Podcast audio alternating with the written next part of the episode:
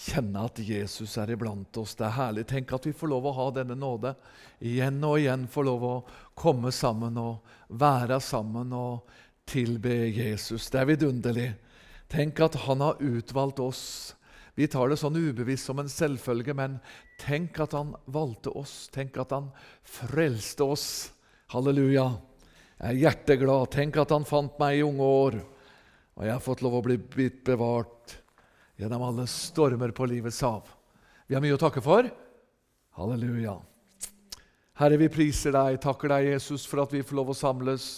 Takk at det er bare ett navn vi får lov å samles i, som gir oss frelse til himmelen, og det er ditt navn. Og Herre, det er bare én vei, og det er kun gjennom deg, gjennom kors og blod og din frelse, Jesus. Takk at vi allerede kjenner velsignelse, at du har møtt opp med oss. Takk for arken Askøy som et lys, Herre, som et fyrtårn i denne tid. Takk at du eh, kjenner alle bønnebegjær, og du har hørt alle bønnebegjær. Og vi takker deg for at du velsigner fortsatt i møtet. La meg også stå denne gang i skyggen av korset. Herre, du ser min tilkortkommenhet og fattigdom, men i deg er det kraft. Under blodet, Jesus, så har jeg min frimodighet. Og du åpenbarer deg til ånd, til sjel og til legeme. Amen. Har du med din bibel eller din eh, mobil, og du har bibel på den, så slår du opp i Lukas evangelium, kapittel 4. Eh, det er så når vi eh, skal være en plass over lang tid, at vi mange uker før, ja, mange uker før og måneder så er du i stillhet for Herren. Det er det jo alltid uansett møte, men spesielt når du skal være over lang tid, sånn som her, som jeg fikk en spørsmål og kallelse om, så kjenner du en plan og et mønster som Jesus legger på ditt hjerte vedrørende forkynnelsen. Det er jo viktig i menigheten ellers, ellers også, som dere er flinke til her, å ha en mønster og en plan. Men eh, så hender det at Jesus går litt, kommer litt, og så gir han deg litt sånn pust innimellom, så går den noen ganger litt utenom den planen. Og Jeg hadde egentlig tenkt å fortsette i dag på profetiske ord, som vi hadde forrige gang. Eh, om, vi hadde om lønningsdagen og herligheten og ting rundt Kristi domstol. Eh, vi kommer til, selvfølgelig tilbake til det profetiske ord senere. Men eh, i natt så ga Herren meg et avsnitt i Guds ord og en annen overskrift, så da må jeg lyde det. Takk og lov. Så skal vi da slå opp i Lukas 4, og så skal vi lese noen vers der for sammenhengens skyld. Så skal vi lese noen vers, og vi begynner i vers 1 i Jesu navn. Lukas 4, 1. Men Jesus vendte tilbake fra Jordan, full av Den hellige ånd, og han ble av ånden ført om i ørkenen. Så går vi til vers 14, og så leser vi noen vers nedover der. Og Jesus vendte i åndens kraft tilbake til Galilea, og ryktet om ham kom ut over hele landet der omkring. Og han lærte i deres synagoger og ble prist av alle. Og han kom til Nasaret, hvor han var oppfostret, og gikk efter sin sedvane på sabbatsdagen inn i synagogen og sto opp for å lese for dem. Og de gav ham profeten Esaias bok, og da han slo boken opp, fant han det sted hvor det var skrevet:" Herrens ånd er over meg, fordi han salvet meg til å forkynne evangeliet for fattige. Han har utsendt meg for å forkynne fanger at de skal få frihet, og blinde at de skal få syn, for å sette undertrykte i frihet. For å forkynne et velbehagelig år fra Herren. Og han lukket boken og gav den til tjeneren og alle som var i synagogen, hadde sine øyne festet på ham. Han begynte da med å si til dem, i dag er dette Skriftens ord oppfylt for deres ører. Amen. Eh, når Jesus eh, i natt ga meg dette avsnittet, så begynte han å føde fram i mitt hjerte også et budskap og skriftsteder eh, som eh, fødte seg fram. Og la meg sette denne overskriften på det som Jesus har lagt på mitt hjerte. Navnet Jesus og korset er vår kraft og seier. Navnet Jesus og korset er vår kraft og seier. Og det var velsigna å høre Erlend også leste her fra salmene, som jo det han leste, var om eh, Jesus, forsoningen, Golgata. Halleluja. Og det vi har i ham. Takk og lov. Eh, og før jeg går videre på det, så kom det for meg også et avsnitt av eh, en av mine favoritter eh, som veiledere, David Wilkerson, eh, hvor han har et avsnitt om og en preken om korset. Og den eh, overskriften har han satt 'De har avskaffet korset' er overskriften på denne preken. Men la meg bare ta med, trekke ut litt av eh, et par-tre sitater. Hør. Eh, en ny avgudsdyrkelse feier over verden akkurat nå. Eh, det er noe som du og jeg må forberede oss selv på. Hvis du er en kristen, og du hører rapporter om Den hellige ånd som beveger seg på forskjellige steder, så må du være forsiktig med hvor du går, og hvilken ånd du er under innflytelse av. Hvis du ikke har dømmekraft, kan du bli dratt med inn i en avgudsdyrkelse som vil føre deg bort fra Jesu Kristi kors. Det er den store avgudsdyrkelsen i vår tid. Og det er en stor skare av predikanter som bokstavelig har kastet til side budskapet om Jesu Kristi kors. Og hør hva han sier. Vær advart. Det betyr ingenting hva noen forteller deg om hvor stor vekkelse eller bevegelse av ånden som befinner seg på det og det sted. Det betyr ingenting hvor store menneskemasser som er involvert. Det betyr ikke noe hvor høylytt deres lovprisning er, eller hvor stor suksessrik en bestemt tjeneste ser ut til å være, dersom Hør! Jesu Kristi kors ikke er døren som mennesker kommer igjennom. Da kan du være helt sikker på at dette ikke er et verk av Gud. Hør nå. Korset, inklusive dets krav og håp, er selve kjernen i evangeliet. Og enhver tilbedelse eller fellesskap kirke eller menighet hvis ikke korset er i sentrum i deres forkynnelse, så er det et annet evangelium. Venner, det viktigste og det sentrale, det er Jesu Kristi kors.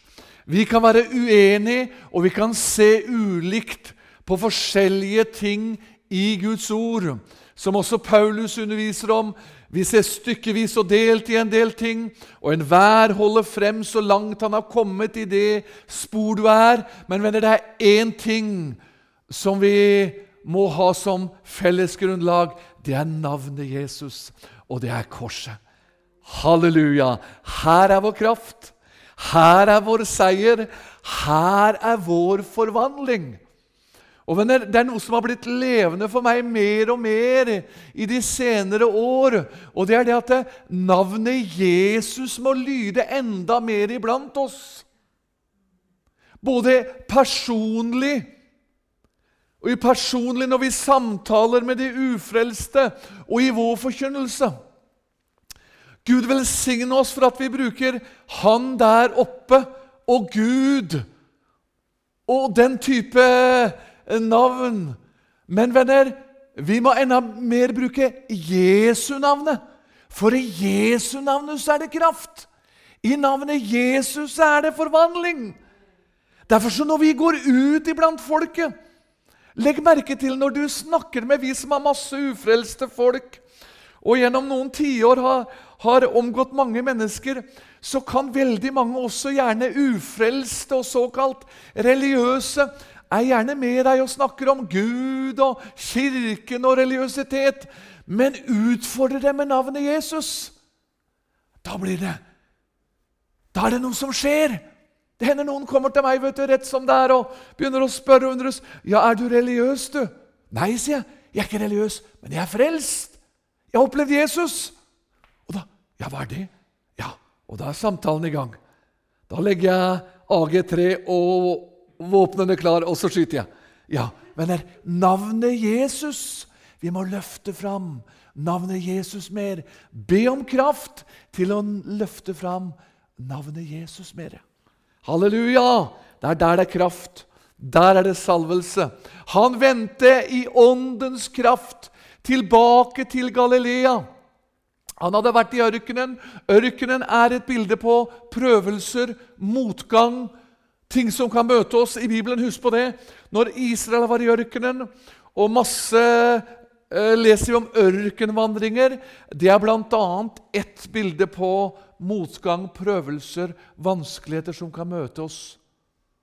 Det behøver ikke bare bli tørr sand og, og, vanskeligheter, men det kan bli som Jesus. Han kom ut av ørkenen i åndens kraft. Hør, min venn, selv om vi ikke alltid ser det der vi er, vi som har opplevd at bølgene slår Men eh, prøvelsen du er i, vanskeligheten du er i, ørkenvandringen du er i Du kan få lov som Jesus å komme ut av den i åndens kraft, i seier.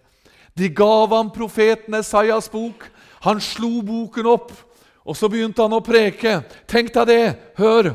Vi skal ikke gå i dybden her, for jeg skal gå inn i en del bibelsitat om, om, navnet Jesus og kraften og hvor vi har vårt blikk hen. Men hør, her kommer altså Jesus selv inn i gudstjenesten. Hør nå! Her var også Jesus, etter det som eh, historien forteller oss, og, og, og, studien forteller oss, at her er Jesus altså ca. 30 år, der han går inn og åpenbare seg selv som Guds sønn i gudstjenesten. Han hadde gått i synagogene i alle disse år. Først sammen med sine foreldre, som vi leser. Da han var tolv år, ble borte for dem osv. Han har gått der, han har vært der, men nå kom han inn. For nå visste han nå trår jeg inn i verden. Nå, Gud, går jeg inn. Og tenk deg, de har sett den samme teologiske utleggelsen, de samme skriftstedene. Men så kommer Jesus inn, halleluja, og så ber han om å få bokrullen. Og så begynner han å forkynne 'Herrens ånd er over meg'. Det ble en levende gudstjeneste. Og så står det 'alle som var i synagogen, hadde sine øyne festet på ham'. Hør, min venn. Hvor har du dine åndelige øyne festet hen? Har vi dem på hverandre, på det som er rundt omkring oss? Eller har vi øynene våre åndelig mest festa på Jesus? Her er hemmeligheten til Guds kraft. Her er hemmeligheten til salvelsen. Her er hemmeligheten til det inderlige fellesskapet med Gud. Når vanskeligheter kommer i Guds forsamling, vi som har vært med i, i noen tiår i Guds menighet som, som hyrde og pastor og leder og eldste, en del av problemer og vanskeligheter som skaper indre konflikter. Vet du når det er? Det er når vårt åndelige blikk blir festet på hverandre og på de ting som er rundt oss, istedenfor å feste det på Jesus og det sentrale evangeliet. Er du med? Ja. De hadde sine øyne festet på ham. Halleluja! Hvis vi ser oss omkring, så kan vi bli forundret. Ser vi på hverandre, kan vi av og til bli forvirret, men ser vi på Jesus, så blir vi forvandlet. Halleluja! Vi ser på ham, navnet Jesus. Her er kraften i korset, i Golgata, i blodet. Her er seieren, her er kraften, her er forvandlingen. Skal vi ha noen bilder på dette? Om, om, om Jesu navnet og korset og det sentrale. 1. Samuels bok, kapittel 14. Eh, som dere kjenner til allerede, dere som kjenner meg her, så er det mye undervisning og bibelsitat. Eh, her ligger vår mat. 1. Samuel 14. Jonathan er i krigen. Israelittene er i krigen. Åndelige bilder på deg og meg. Og så lengter de etter dem er i ferd med å miste kraften. De er i ferd med å bli utmatta. Ja. Men så finner Jonathan hemmeligheten. Første Samuels bok, kapittel 14, og vers 25 leser vi fra vers 25. Første Samuel 14, 25. Så kom alt folk inn i skogen. Der var det honning på marken. Og med det samme folket kom inn i skogen, fikk de se en hel strøm av honning. Men ingen av folket førte sin hånd til munnen av frykt for eden. Men Jonathan hadde ikke hørt på at hans far lot sverge. Han rakte ut staven han hadde i hånden, og dyppet enden av den i honningen og førte så hånden til munnen igjen. Da ble hans øyne klare. Fra vers 29. Jonathan svarte, 'Min far har ført ulykke over landet. Se bare hvor klare mine øyne er blitt, fordi jeg har smakt litt av denne honning. Hvor meget større ville ikke mannefallet blant filistrene være dersom folket i dag hadde fått ete av det hærfang de har tatt fra sine fiender. Her er, her er, honningen en bilde på vår åndelige mat. På Kristus, på kraften og på korset. Hør, min venn, eter du honning? Er du ved kilden, så du får øyensalve, så du kan se? Ofte er det sånn i Guds menighet vet du, at vi begynner å klage på de eldste og på lederne og på musikkledere og på forstandere. Ofte de er så tørre og de er så kjedelige, og, og det ikke kan de se. Hovedårsaken er kanskje at du ikke ser, for at du spiser ikke honning. Og da blir du opptatt med alle de andre. Men de hadde sine øyne festet på ham. Er du med? Halleluja! Håper du er med og ikke imot, for det er viktig. Halleluja! De hadde sine øyne festet på ham. Halleluja! Livsviktig. Så går vi inn i salmene, eller i annen kongebok. Annen kongebok går vi inn. Hør, min venn. Du som føler, og du som eh, lengter etter kraften, og du syns at det er mørkt rundt deg, det er vanskeligheter rundt deg. Annen kongebok 6 skal jeg lese. Når vi kommer inn i vanskeligheter, når vi kommer inn i prøvelser, så har vi så lett for å fokusere på vanskelighetene og prøvelsene, og så mister vi fokuset på Jesus. Så mister vi fokuset. Da blir vi motløse. Annen kongebok 6, og der står det eh, Ta bare for kortets skyld fra vers 14. Annen kongebok eh, 6, 14. Eh, eller fra vers 15 tar vi. 2. kongebok 6, 15. Da den Guds manns tjener tidlig om morgenen gikk ut, fikk han se at en hær med hester og vogner omringet byen. Da sa han strengt til ham, Å min herre, hva skal vi gjøre? Han svarte, Vær ikke redd. De som er med oss, er flere enn de som er med dem. Og hør, Elisa ba og sa, 'Herre, opplat hans øyne så han kan se.' Og Herren opplot drengens øyne, og han fikk se at fjellet var fullt av gloende hester og vogner rundt omkring Elisa. Hør, min venn, Du som er midt i vanskeligheter og midt i prøvelser. Ja, kanskje det er ofte sånn bortover også. Kanskje det blir eh, Vi kjenner det kan, både i fellesskap og personlig. Så kjenner vi det er litt ørkenvandringer, og, og ting blir litt vanskelig. Og så, og så, begynner det å bli litt mørkt. Det begynner å bli litt tåke, åndelig talt. Og så begynner vi å kjefte og smelle på hverandre. Ja, men hør, min venn.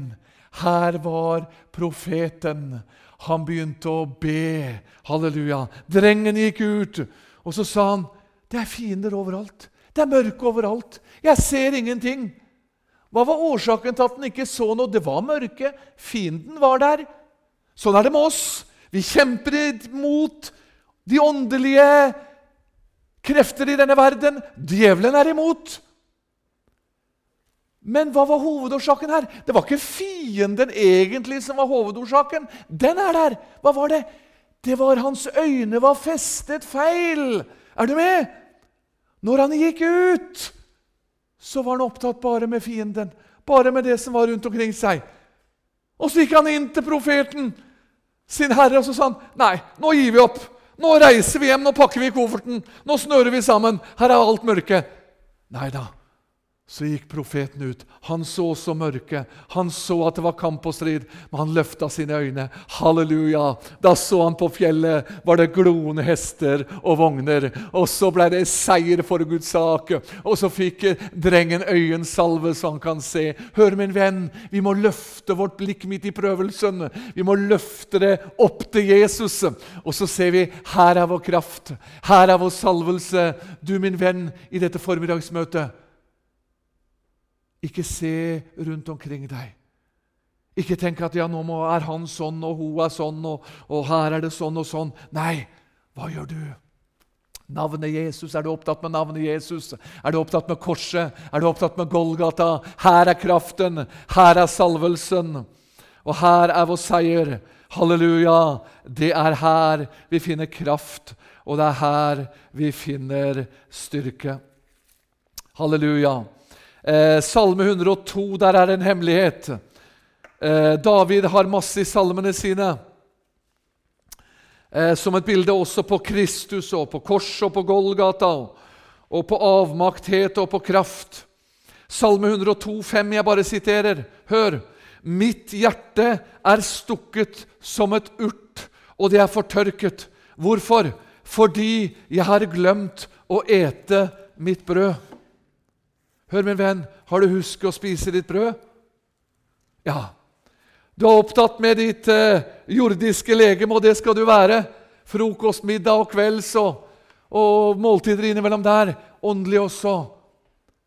Når det blir tør tørke i både vårt eget liv, og det kan bli tørketilstander i menigheten innimellom, så skylder vi på, på ledelsen, og så skylder vi på de rundt omkring oss. Mon tro om det er du som har glemt å ete ditt brød? Mon tro om det er du som har mista blikket litt på Jesus, på navnet Jesus på korset. Her er kraften, her er salvelsen. Og så bør du ikke slå opp det, men det står også, David sier også i Salme 110,7, så sier han av bekken drikker han på veien. Derfor løfter han høyt sitt hode. Hør, min venn, drikker du av kilden Jesus? Halleluja. Jeg er det levende vann, sier Jesus. Til mer du drikker, til mere får du. Ja, til mere tom du er, til mere fylde får du av ham. Vet du hva som må, egentlig feilen er Jan anførselstegn mange ganger med oss? Vi har fylt opp vårt indre kar og sinn vi, med alt mulig annet, så det blir ikke sånn plass som Jesus skal ha. Er du klar over det? Ja, for det står om enken. vet du. Sett fram karene, bare ikke for få. For når hun ikke lenger hadde mer tomme kar, så stoppa vannet. Da stoppa strømmen. Sånn er det ofte i dag. Vi roper på kristenheten, roper på vekkelse, på fylde. Men vi er så fylt av mange andre ting. Men nå setter vi fram tomme kar. Jeg er svak, sier du. Jeg føler meg tom. Jeg kjenner meg fattig. Jeg kjenner som jeg har ingenting og er ingenting. Ja, men da er det store muligheter. Halleluja! For da kan du få masse kraft og salvelse fra Jesus. Det som ingenting er, det som er svakt, det som er lavt, det er det han har utvalgt seg. eh, Vi lever i en tid hvor forkynnelsen er sånn en del plasser eh, at liksom det er sånn voldsomt at ja, Gud bruker den, og Gud bruker den, og for den er så flink til å tale, og den er så flink til å synge, og, og den har veldige gaver. Og, og Gud bruker det også. Han gjør det. Han bruker også naturlige gaver, men de han bruker mest, det er de som har et avhengighetsforhold til å se på Jesus, til å stadig klynge seg til korset. Tenk bare på de fire spedalske menn i annen kongebok. Du kan lese mer om det når du kommer hjem. Det er vel annen kongebok fire. Du bør ikke slå opp det nå. Fire spedalske menn. Spedalskhet i Gamle testamentet skulle du ikke komme i nærheten av. De skulle rope uren, uren, uren, og så skulle de ha ei bjelle. Ingen skulle komme i nærheten. Og så var fienden så svær og så tung, og de hadde så mye krefter. Og så tenkte de fire spedalske Blir vi her, så dør vi. Sitter vi her, så skjer ingenting. Vi prøver å gå. Ja, tenk deg det! Skulle de ha sett på seg sjøl? Inni seg sjøl så gikk det ikke, men de så opp til ham. At 'Gud, nå er du med', og så begynner vi å gå. Og så syns du du ser det, de var svake, de var elendige. De hadde funnet noen kvister kanskje, og noen kjepper for å støtte seg på. Men lenge før de kom til fiendens hær, så hadde fienden løpt, for det hørtes ut som det kom en stor hær. Og så ble det seier for Guds sak. Føler du deg åndelig noen ganger slik? Både åndelig spedalsk og liten og svak. Ja, rett som det er, gjør jeg det. Men så finner jeg noen kjepper og så finner jeg noen staver og så finner jeg noen tomme krukker og noe å støtte meg til i Guds ord. Og så går jeg i Jesu navn, og så blir det seier for ham. Men vi må ha blikket på ham. De hadde festet sitt blikk på Jesus. Når vi fester vårt blikk på ham, på korset, så blir det seier for Guds sak. Halleluja. Esaias 40 skal vi slå opp et kjent skriftsted. Til deg som er svak, til deg som er trett. Under vandringen kan vi bli sliten, venner, vi som reiser rundt. Og noen av oss som har reist rundt i flere tiår, så opplever vi der er Guds tjenere i vår tid. Det er kjemper i Guds hær som har blitt trette.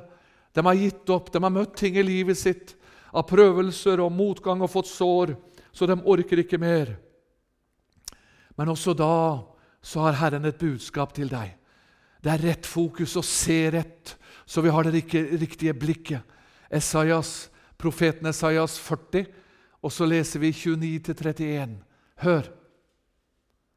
Han gir den trette kraft, og den som ingen krefter har, gir han stor styrke.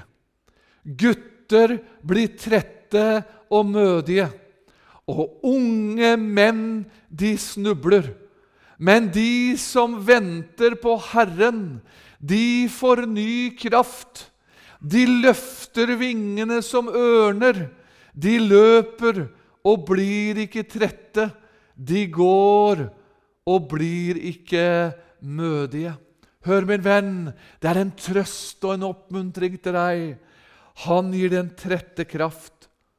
Føler du at du ikke har noen krefter i denne stund, du som lytter?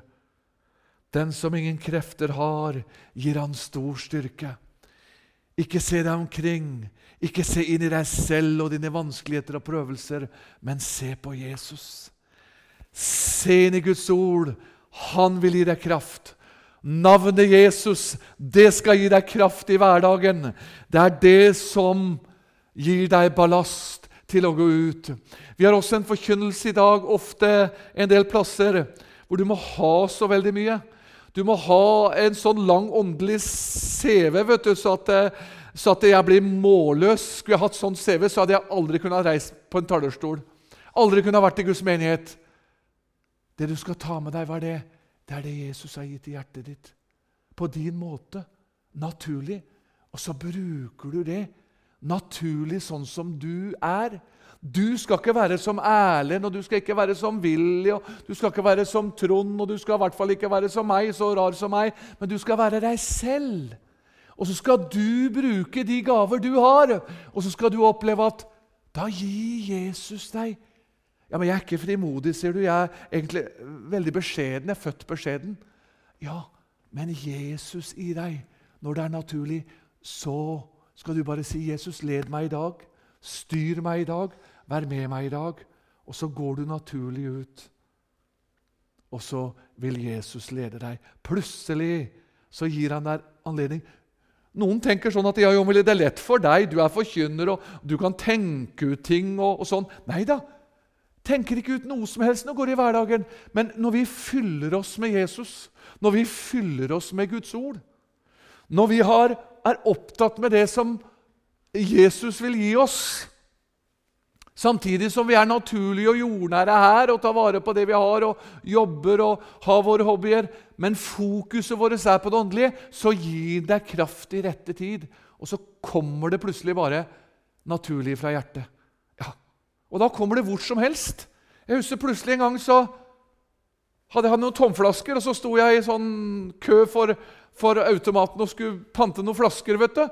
Og så eh, bruker jeg å gå med vester, da, forskjellige vester, både sånn vest som jeg har her, og Amcar-vest og masse vester. Og så var det en gammel vest jeg hadde, så sto nettsida mi på ryggen. sto det himmelveien.net, og så sto jeg i kø og venta, var snart min tur. Og så bare hører jeg bak meg en stemme. Himmelveien.net, ja. Hva er det? Og du vet, Det var et dumt spørsmål å stille meg. vet du. For idet jeg hører det, så snur jeg meg rundt, lader AG3, og så skyter jeg den i filler. Halleluja. Det var ikke noe jeg hadde tenkt over og, og liksom studert på forhånd. Nei, det var Jesus i hjertet mitt. Ja, himmelveien.net, ja, vet du hva det er, sier jeg. Det er veien til Jesus, det. Er du frelst? Er du født på ny? Og han ble jo helt perpleks, vet du. Ja. Forstår du? Det var noe som Vi bare går ut. Og så skal vi ikke gi en teologisk pakke. Nei, men det Jesus har gitt deg, på din måte, der hvor han har satt deg. Er du med? Halleluja! Her er vekkelsen. Her er fornyelsen. Navnet Jesus og korset. Det er det som er kraften vår. Og så er det godt med studering og det er godt med å få lære undervisning i mange ting. Og det er mange ting rundt det her som vi trenger. Men hovedfokuset vårt de hadde sitt blikk festet på ham. Halleluja! Og da skjer det forvandling. Det er derfor skjønner ja, det skjer ikke så mye her, og det skjer ikke så mye der. Nei, men vi må løfte vårt blikk. Vi må fokusere på det som er rett. Halleluja! Her er seieren, her er kraften, her er forvandlingen.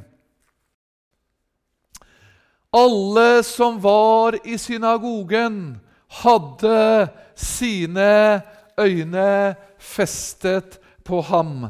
Jeg hopper over mange ting som også kom for meg, men jeg går inn i Johannes evangelium, kapittel 1. Jeg skal begynne å lande nå. Hør nå. Johannes døperen Tenk at han hadde én gjerning i livet sitt. Mye kunne vært sagt om det, men det får vi ta en annen gang. Døperen Johannes var jo søskenbarn av Jesus. Eh, begge mødrene var jo søstre. Og Johannes levde mesteparten av sitt liv fra kanskje han var 14-15 år, helt han var, for han var på alderen med Jesus, rundt 30 eh, kanskje, så levde han i ørkenen med én hovedoppgave. Han skulle peke på Jesus. Han kunne ha gjort så mye mer. Han hadde masse gaver. Han kunne ha pekt på seg selv. Men vet du hva han sier i Johannes evangelium kapittel 1? Så sier han Johannes 1, 29, Dagen etter ser han Jesus komme til seg og sier, Se der Guds lam, som bærer verdens synd.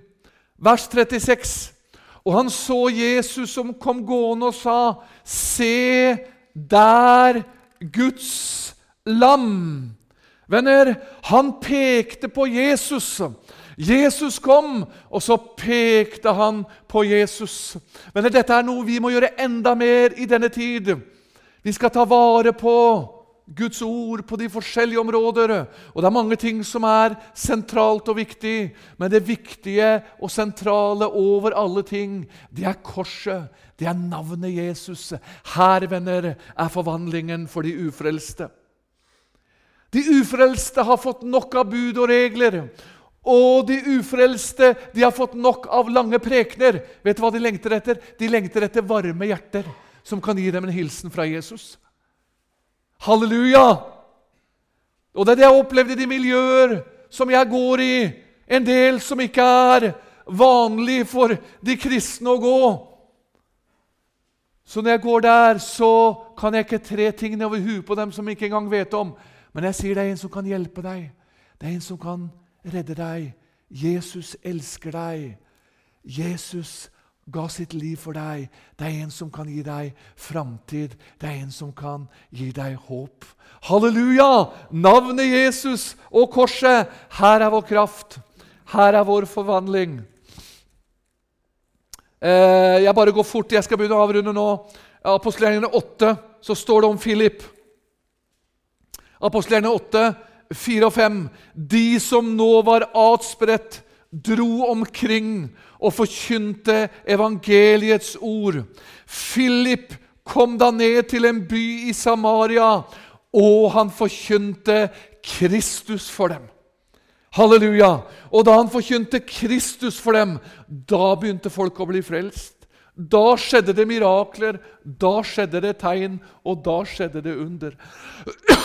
La oss gjøre det også her i arken. Vi går ut, og så forkynner vi evangeliet om Jesus ute på gater og på streder.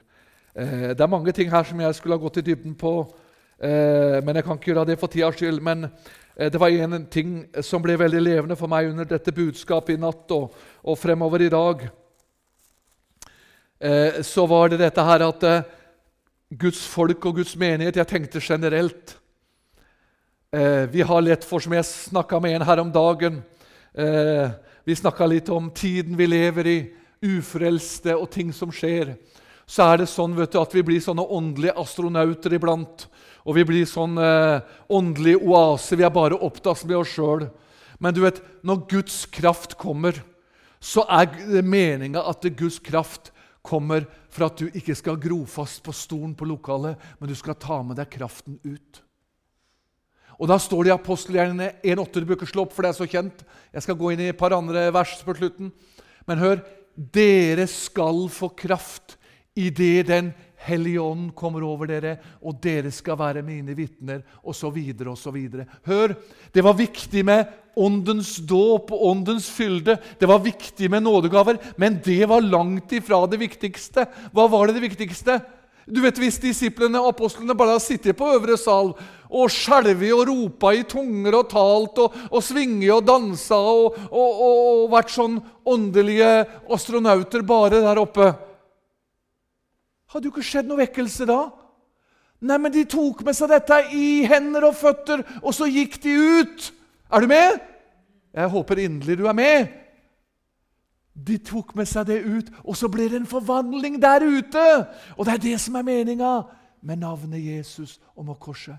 Vi skal ta dem herifra. Det er viktig med samfunnet, det er viktig med fellesskapet. Men vi må ta med oss ut på skole, på arbeidsplass, rundt omkring oss. Halleluja! Og så peker vi på navnet Jesus. Halleluja! På Han som gjør under. Første Korinterbrev kapittel 1 og vers 18. Det er et kjent vers der to-tre vers jeg skal lese både i første og andre kapittelet. Første Korinter 1, 18. Ordet om korset er vel en dårskap for den som går fortapt. Men for oss som blir frelst, så er det en Guds avmakt. Nei, det er ikke en Guds avmakt, det er en Guds kraft. Halleluja! Vi forkynner vers 23 Kristus korsfestet.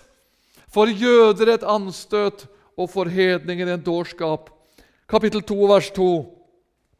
Jeg vil ikke vite noe iblant dere uten Jesus Kristus og Ham korsfestet. Hva betyr det? Det betyr at Paulus underviser selvfølgelig masse andre ting. Men det han ville si med det verset og de andre tingene, var Først og fremst er det Golgata, forsoningen og navnet Jesus vi må løfte fram og ha ut til denne døende verden. La det ikke bli med deg og meg, la det ikke bli med arken, la det ikke bli med oss som det ble med galatermenighetene. Eh, Galatermenigheten, Galaterne 3, vers 1. Før jeg går inn i eh. Galaterne 3, vers 1 står det Dere uforstandige galatere, hvem har forgjort dere?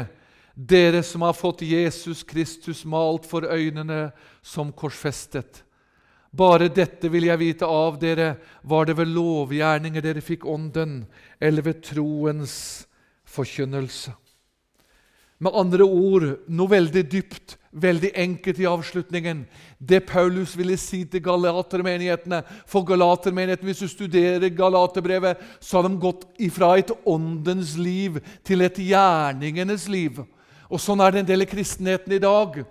Det blir en sånn bokstavtolkende teologi en del plasser uten ånd. Og hva gjør den? Den slår i hjel.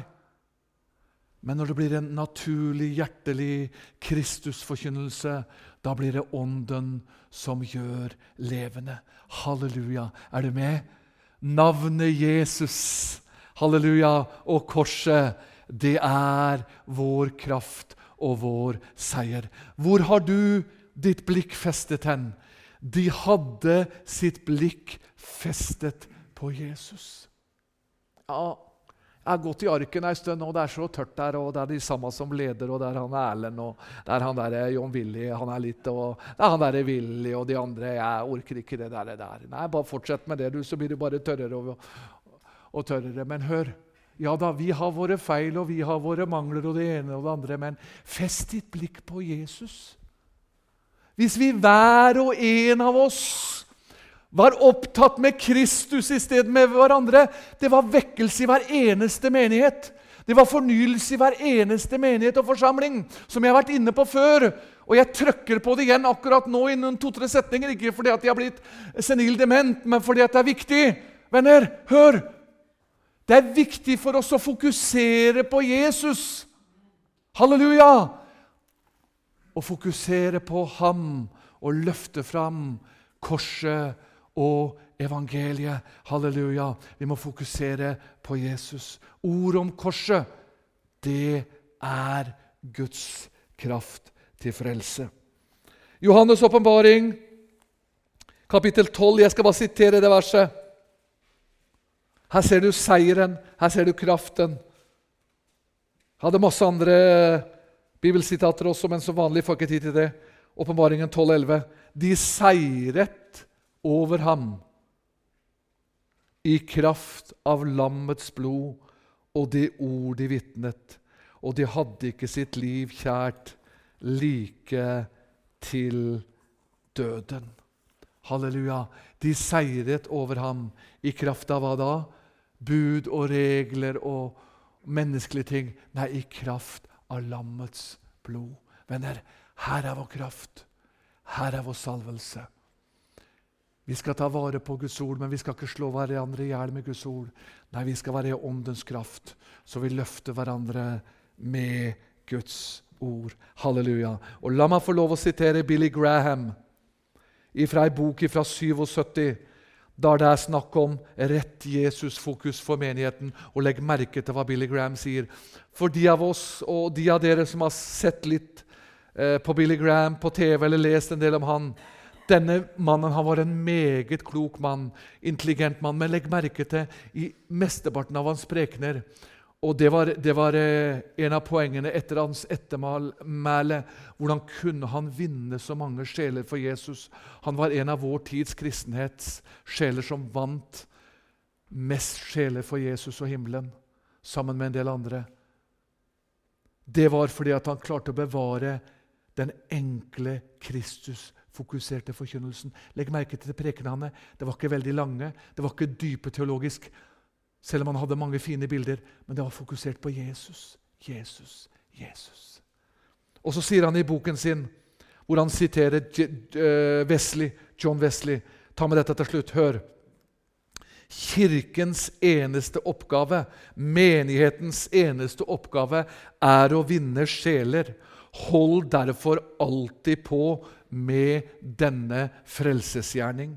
Det er ikke din sak å tale et bestemt antall ganger, men å vinne så mange sjeler du kan, og føre så mange syndere som mulig til omvendelse.